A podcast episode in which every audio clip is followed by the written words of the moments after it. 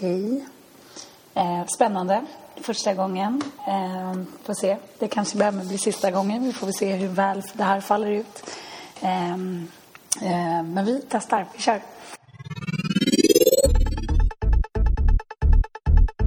Jag var ute och reste för ett tag sedan. Som de flesta som känner mig vet så har jag en ganska misstänksam inställning till okända nya människor. Jag tror även att det kan vara en ganska snäll beskrivning. Jag tycker inte jättemycket om människor. Förutom självklart de som finns i min närhet som jag tycker om, som har kommit mig nära. Eh, jag tycker däremot att det är väldigt, väldigt intressant att studera människors beteenden. Och jag tror att jag någonstans alltid har haft en hemlig dröm om att bli psykolog. Ehm, lite kunna koppla människors upplevelser och erfarenheter till handlingar. Jag tror dock att jag kanske har det lite för bra. Eller så handlar det helt enkelt om att jag bara är lat för att riktigt göra någonting åt det. Ehm, frågan är också om man ska göra någonting åt sina drömmar jämt. Och om det i så fall kommer finnas några drömmar kvar till slut. Så jag tror faktiskt att jag kommer lämna den, den delen. Jag får vara hobbypsykolog. Eh, hur som helst, så jag var ute och reste. Eh, resa måste vara ett av de tillfällen som man spenderar mest tid och kommer väldigt nära okända människor som man aldrig någonsin skulle komma nära annars. Eh, eller överhuvudtaget spendera en minut tillsammans med om man fick välja själv. Eh, ett exempel på det här är en man som sitter på andra sidan gången mot var jag sitter. Han sitter på sin plats precis som vilken annan passagerare som helst. Men, och det kommer ett ganska stort men här. Varje gång han ser att flygvärdinnan kommer med sin vagn i gången så reser han sig upp. Um, han reser sig alltså upp och ställer sig i gången framför vagnen. Varje gång de ska passera så måste de fråga honom om man kan flytta på sig så att de kan komma fram. I början av den här resan, kan väl tillägga att det var en ungefär åtta timmar lång flight, så är de trevliga precis som de ska vara, tillhör yrket. Eh, men efter tiden går och resan fortsätter så blir tonen lite mer irriterad. Men framförallt väldigt, väldigt ifrågasättande. Eh, och det är lite, det är intressant. Vad håller den här mannen egentligen på med? Hur funkar han? Vad tänker han? Jag satt och studerade honom och det var ingenting annat som var konstigt utöver just den här grejen. Eh, det var en flight som pågick under natten, vilket också var väldigt intressant. Han sov inte, vilket jag aldrig heller gör. Eh, utan passade på varenda gång. Då spelade det ingen roll. Han ställde sig varje gång någon av flygvärdinnorna skulle komma fram. Mm, min lilla hobbyanalys av det här, eh, min förklaring, är en ganska enkel förklaring skulle jag vilja säga själv. Men att han helt enkelt saknar någon att prata med. Han saknar lite mänsklig beröring. Det är fine. Man kan nästan tycka lite synd om honom. Eh, problemet i hela den historien ligger väl snarare i att hans fru faktiskt sitter bredvid honom och med honom på resan.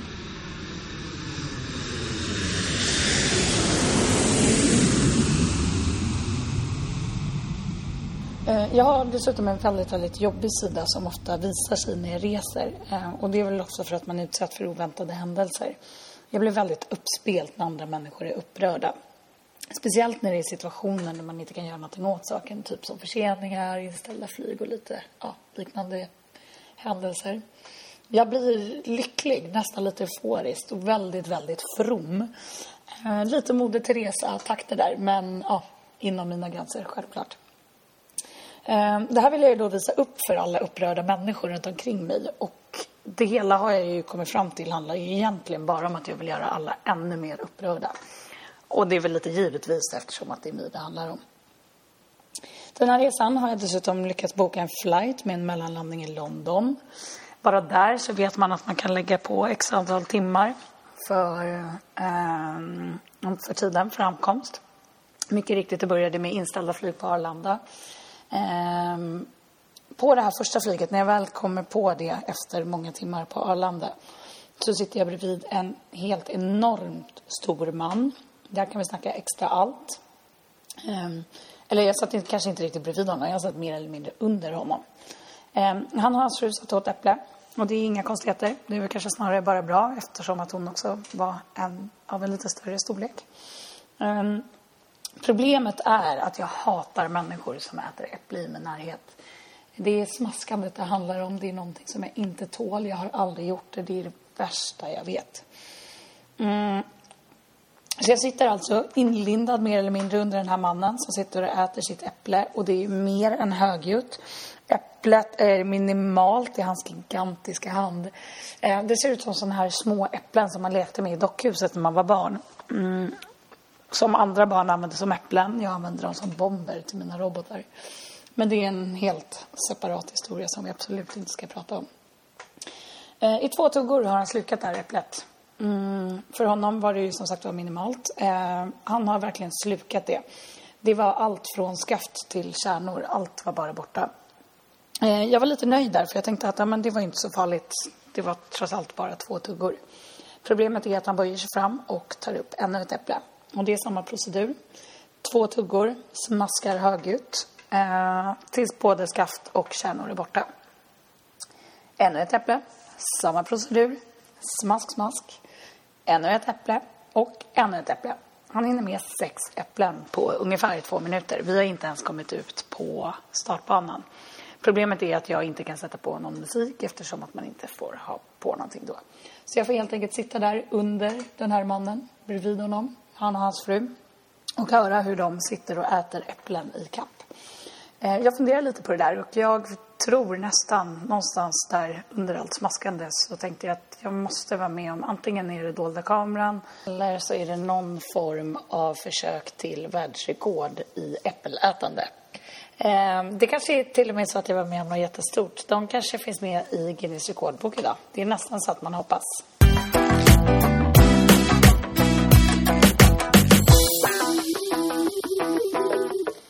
Eh, jag kom till London. Flyget är försenat, helt enligt förväntan. Och eh, jag missar naturligtvis min connection flight. Så jag får ställa mig i den här kön som jag vid det laget trodde var en lång kö. Jag vet efter att ha besökt Heathrow några andra gånger med lite förseningar efter det här eh, att den faktiskt inte var speciellt farlig överhuvudtaget. Hur som helst, jag står där i kön. Folk gapar och skriker och är allmänt upprörda. Och eh, som sagt var, jag eh, tycker jag blir ganska uppspelt vid de här tillfällena. Jag tycker att det är ganska härligt.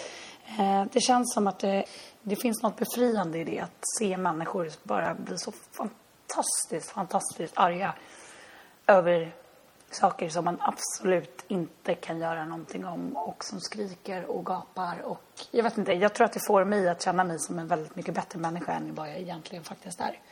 Hur som helst, jag står i den här kön, kommer till slut fram. Det är en underbar liten kvinna som sitter där framme med det största leendet jag har sett i hela mitt liv. Och jag skojar inte, det var helt gigantiskt. Det var så mycket tänder i den här munnen. Och det var inget fel på det. Det var ett fantastiskt fint leende. Problemet var att hon kunde liksom inte sluta le. Det var, ja, det var tänder från öra till öra. Eh, oavsett, jag tror inte att hon någonsin kan se sur ut. Jag, det enda jag kunde stå där och fundera på var ett, om hon hade genomgått någon form av operation och faktiskt inte kunde stänga munnen och sluta le. Och nummer två så tänkte jag om denna arma kvinna är gift, hur är det då att vara hennes man? Vakna upp mitt i natten, vända sig om för att bara mötas av de här 3000 vita tänderna i ett stort leende. Det måste vara fantastiskt, fantastiskt läskigt. Hur som helst, hon förklarar eh, snällt för mig att jag har missat alla flyg den kvällen så att tyvärr så kan jag inte komma med något flyg till New York. Hon säger att hon förstår, hon ser lika ledsen ut hon. Hon säger att hon ska göra allt för att hjälpa mig men det ser tyvärr inte så ljust ut. Eh, jag drar väl till med allt jag kan. Jag säger att jag ska på en otroligt viktig födelsedagsfest. Att jag har en kompis som fyller jämnt och att jag ska uppträda på festen och är huvudnumret. Hon ser lite imponerad ut. Eh, mina vänner som hör det här skrattar givetvis när jag berättar det. För vad jag skulle uppträda med är ju en väldigt relevant fråga om man känner mig. Med tanke på att jag är totalt tondöv och eh, de här pianolektionerna som jag skulle ta när jag var barn, de ringde jag och ställde in själv. Jag tror att jag var 13 år, pianoläraren ringde hem, frågade vart jag hade varit och jag sa att det måste ha blivit något fel där, att jag var minsann inte alls anmält till några pianolektioner så att det är min mor som måste ha missuppfattat allting. Kan väl tillägga att min mamma inte var jätteglad när hon hörde vad jag hade gjort. Hur som helst, ehm, det verkar ta skruv så att den här kvinnan fixar i alla fall så att jag kommer med ett annat flyg senare, några timmar senare. Sen att jag kommer landa klockan fyra på morgonen är väl kanske inte jätterelevant i historien med tanke på att jag inte riktigt skulle uppträda. Men jag tror inte att det var någonting hon tänkte på och hon kanske faktiskt förstod hur genomskinlig min historia var. Eh, den här kvinnan med det fantastiskt stora leendet eh, säger att hon givetvis ska kompensera mig också för sveda och värk. Eh, och det är jättegulligt. I min hand så får jag en check på fem pund. Så jag får alltså en check på fem pund så att jag kan dricka en kaffe på Heathrow istället för att tillbringa en lördagkväll med mina vänner i New York. Tack snälla British Airways för den.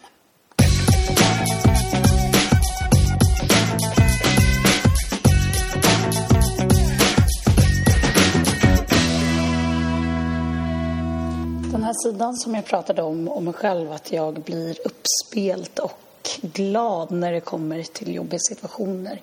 Eh, som precis när jag är ute och reser, bland annat.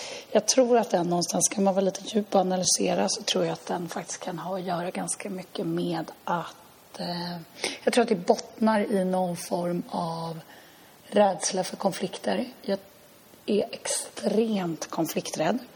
Jag vet vad det grundar sig i, jag vet var det kommer ifrån. Jag tror aldrig att jag kommer göra någonting åt det. Jag lär mig fortfarande, men jag tycker att konflikter är fantastiskt jobbigt att hantera.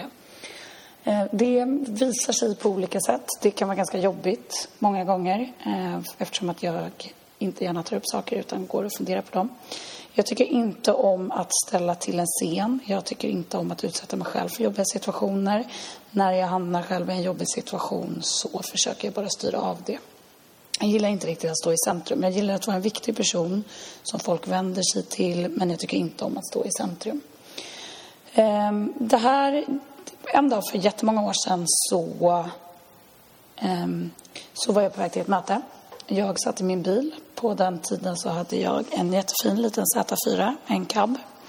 Eh, och det är viktigt i den här historien, det är därför jag berättar det. Jag var, det var för många år sedan som sagt var, jag var ung. Jag var väldigt naiv. Jag tyckte att jag troligtvis var en av de häftigaste personerna som hade den här bilen. Så jag är på väg till mötet och skulle till en mediebyrå som sitter på Stureplan. Väljer att ta Kungsgatan ner. Jag tror att det valet väldigt mycket grundar sig i att jag som sagt var tyckte att jag var otroligt fräsig i min lilla sportbil. Jag står på Kungsgatan. Det är ett otroligt dumt val när man har bråttom eftersom att det är mer eller mindre alltid är kö där. Om man är en person som tänker efter lite före så tänker man på det innan. Det är inte jag. Jag handlar och sen tänker jag. Vilket leder till många spännande situationer. Väldigt ofta, lite för ofta skulle jag vilja säga.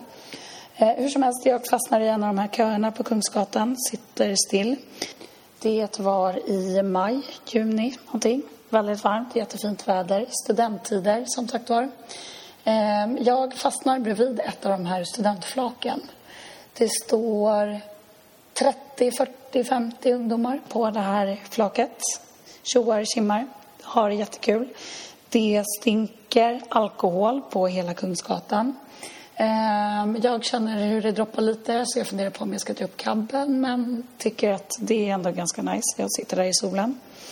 Ehm, jag ser helt plötsligt hur några killar på det här studentflaket står och flinar och tittar på mig och pekar. Och inom loppet av en sekund förstår jag vad som pågår. Eh, jag hinner inte riktigt reagera innan de faktiskt har tagit tre flaskor champagne, vänt upp och ner på dem, hällt dem rakt i mitt huvud, rakt i den här bilen. Jag får mig en rejäl dusch av klibbig, fantastiskt äckligt bubbel. Jag sitter där i bilen, kan inte göra någonting. Jag blir så otroligt, otroligt arg.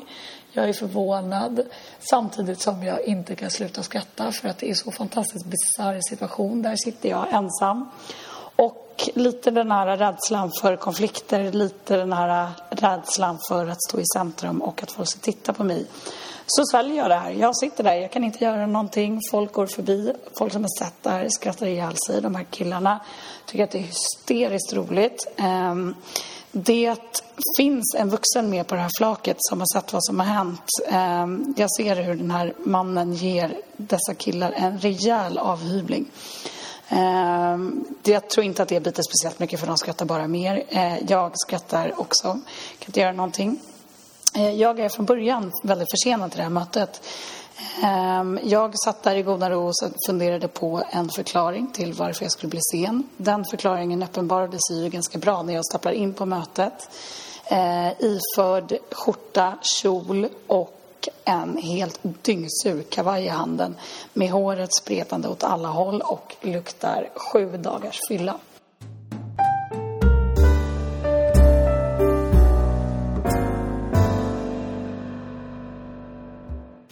När jag var på gymmet häromdagen så kom det fram en kille och började prata med mig.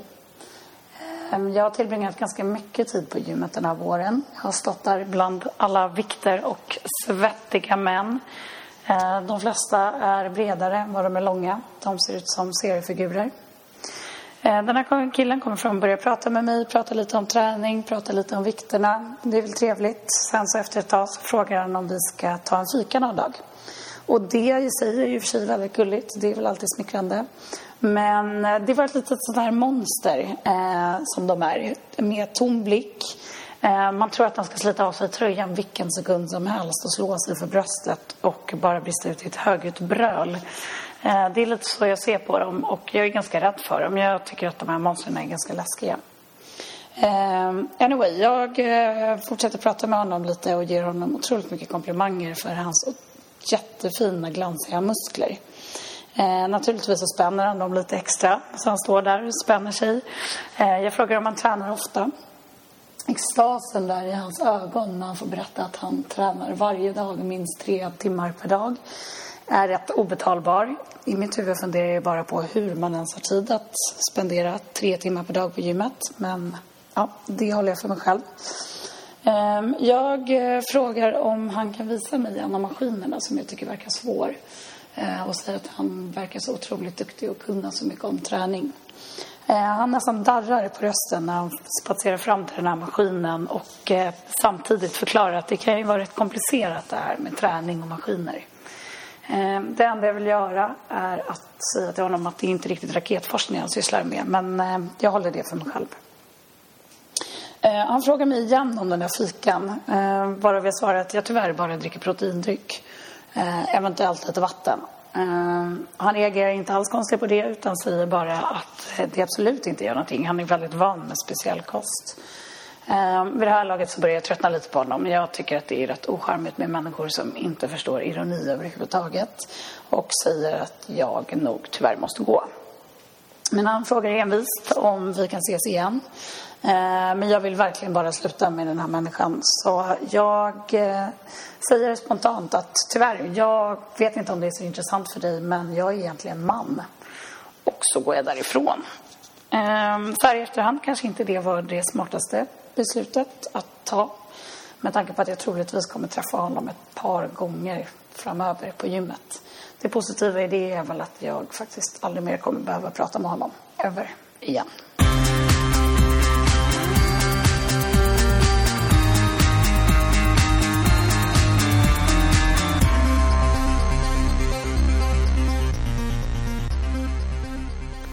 Det här med att eh, säga saker utan att tänka efter är någonting som jag eh, tyvärr är expert på.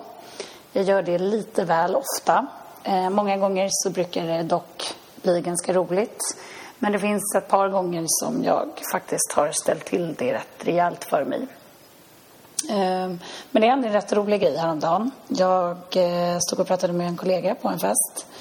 Eh, vi hade namnbrickor på den här festen och på hans eh, namnlapp så står det sexbomb. Vi står och skämtar lite om det och jag säger ja men vad kul, eh, kul att du har skrivit det själv. Han hävdar bestämt att han absolut inte har gjort det själv utan säger att nej men det är faktiskt Sally, vår engelska kollega som har skrivit det. Eh, det är då jag yppar de numera klassiska orden yeah right men eh, du vet det kan ju inte vara Sally, hon kan ju faktiskt inte svenska.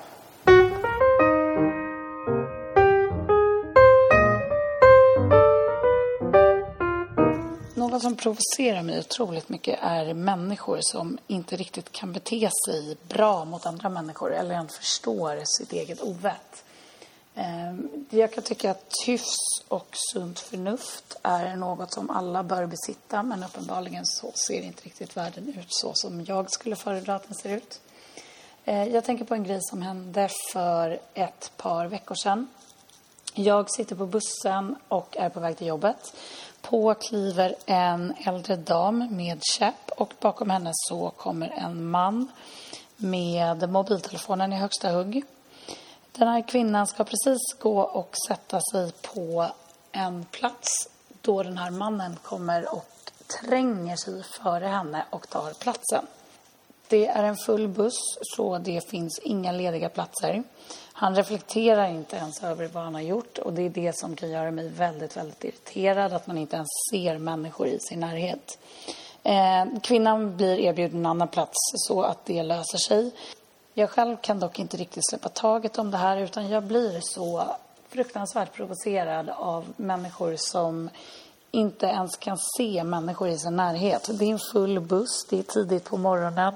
Eh, uppenbarligen så behöver hon sittplatsen mycket mer än honom. Eh, så att jag funderar på det. Ilskan stiger inom mig. Jag är inte jätterolig att ha att göra med när jag blir ilsken.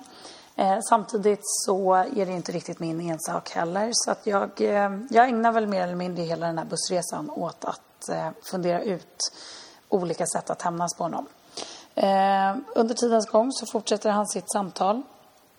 Eh, han pratar med eh, någon i sin telefon, berättar hur viktig och dyrbar hans tid är. Tid är pengar, uttrycker han minst två eller tre gånger i samtalet. Eh, han berättar även hur lite tid han har att hjälpa andra människor. För hans tid kostar faktiskt pengar. Det här är någonting av en riktig, riktig stereotyp. Eh, han går av på samma busshållplats som mig. Han kliver av före mig. Eh, jag har fortfarande inte riktigt släppt den här tanken. Eh, det som händer när han går av är att han snubblar till och tappar massa papper på marken. Så det flyger papper runt omkring honom.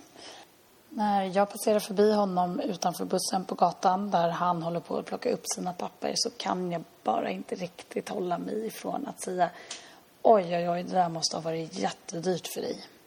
Jag fick min hämnd.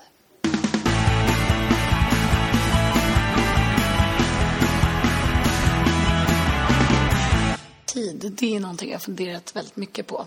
Eh, väldigt länge dessutom.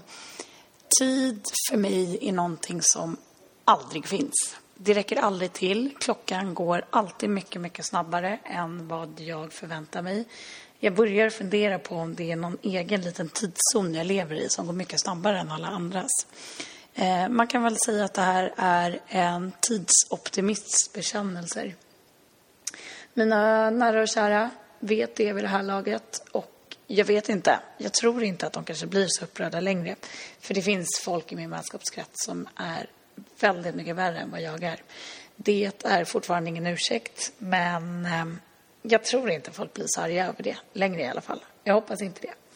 Hur som helst, det är väldigt konstigt det här med tid.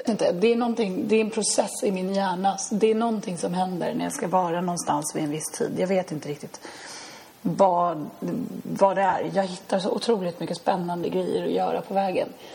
När jag var barn så kom jag för sent till skolan varenda dag. Jag skojar inte, varenda dag. Min lärare hade börjat på lågstadiet, hade hon börjat skriva upp om jag någonsin var i tid. Vilket jag aldrig var. Problemet var att det var väldigt oförargligt för att jag hittade så mycket spännande saker efter vägen så att jag kunde liksom inte hejda mig. Ehm, jag tyckte att jag upptäckte världen. Ehm, min mamma var inte riktigt lika nöjd. Jag hade en rosa jättefin jacka. Ehm, den var full av stenar, kottar, nycklar, diverse upphittade saker ehm, som jag hade stannat efter vägen till skolan. Den vägen som jag cyklade eh, var genom det var från vårt område och sen så var det genom två andra områden och sen så låg skolan där. En cykeltur som tar cirka sju minuter skulle jag väl kanske kunna estimera det till. Mm. När jag cyklade på morgonen så tog det ofta en timme, en och en halv timme. Um, det var jättemånga spännande diken. Ehm, det fanns en flaggstång där jag för övrigt hittade mina egna hemmanycklar hängandes väldigt, väldigt många gånger. Jag tror inte att jag var ett jätte... Jag var världens snällaste barn. Jag skrek aldrig. Jag var aldrig ledsen. Men jag var fantastiskt jobbig att ha att göra med för att jag var helt uppe i min egen lilla värld.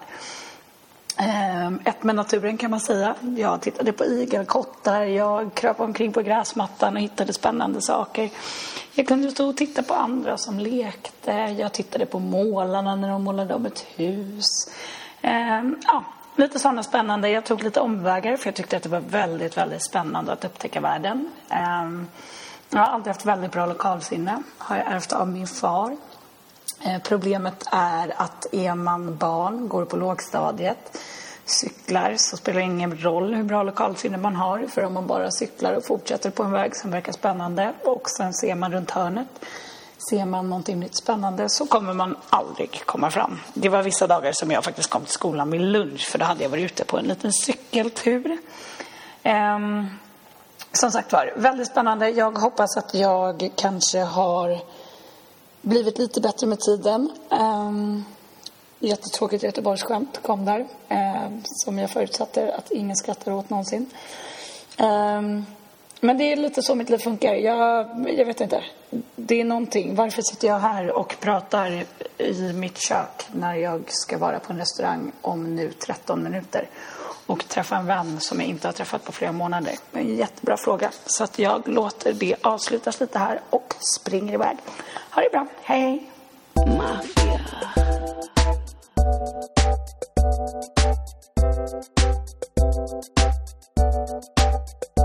I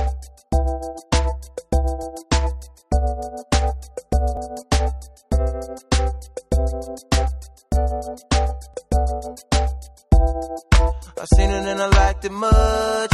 I told myself I had to have it. I looked, but I did not touch. Wondering why does she walk like that, that, that? There was something in those jeans. Locked up. It was dying to be free. And it was bound to happen. Oh, I didn't have a pickup line to use. I was way too cool. Way too cool.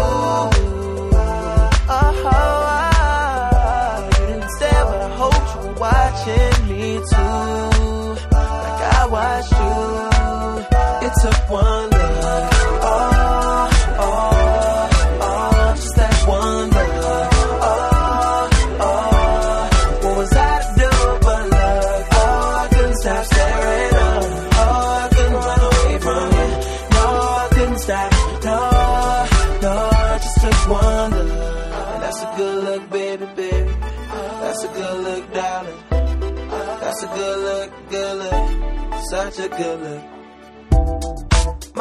must have been on drugs. Your color and your shape look so crazy. I couldn't see the floor beneath, yeah. But baby, I could see you pacing on thin air, mid air, no. Long brown hair swinging. Red bottoms on your high heels. Like I'm watching the Blu ray. You in HD, baby.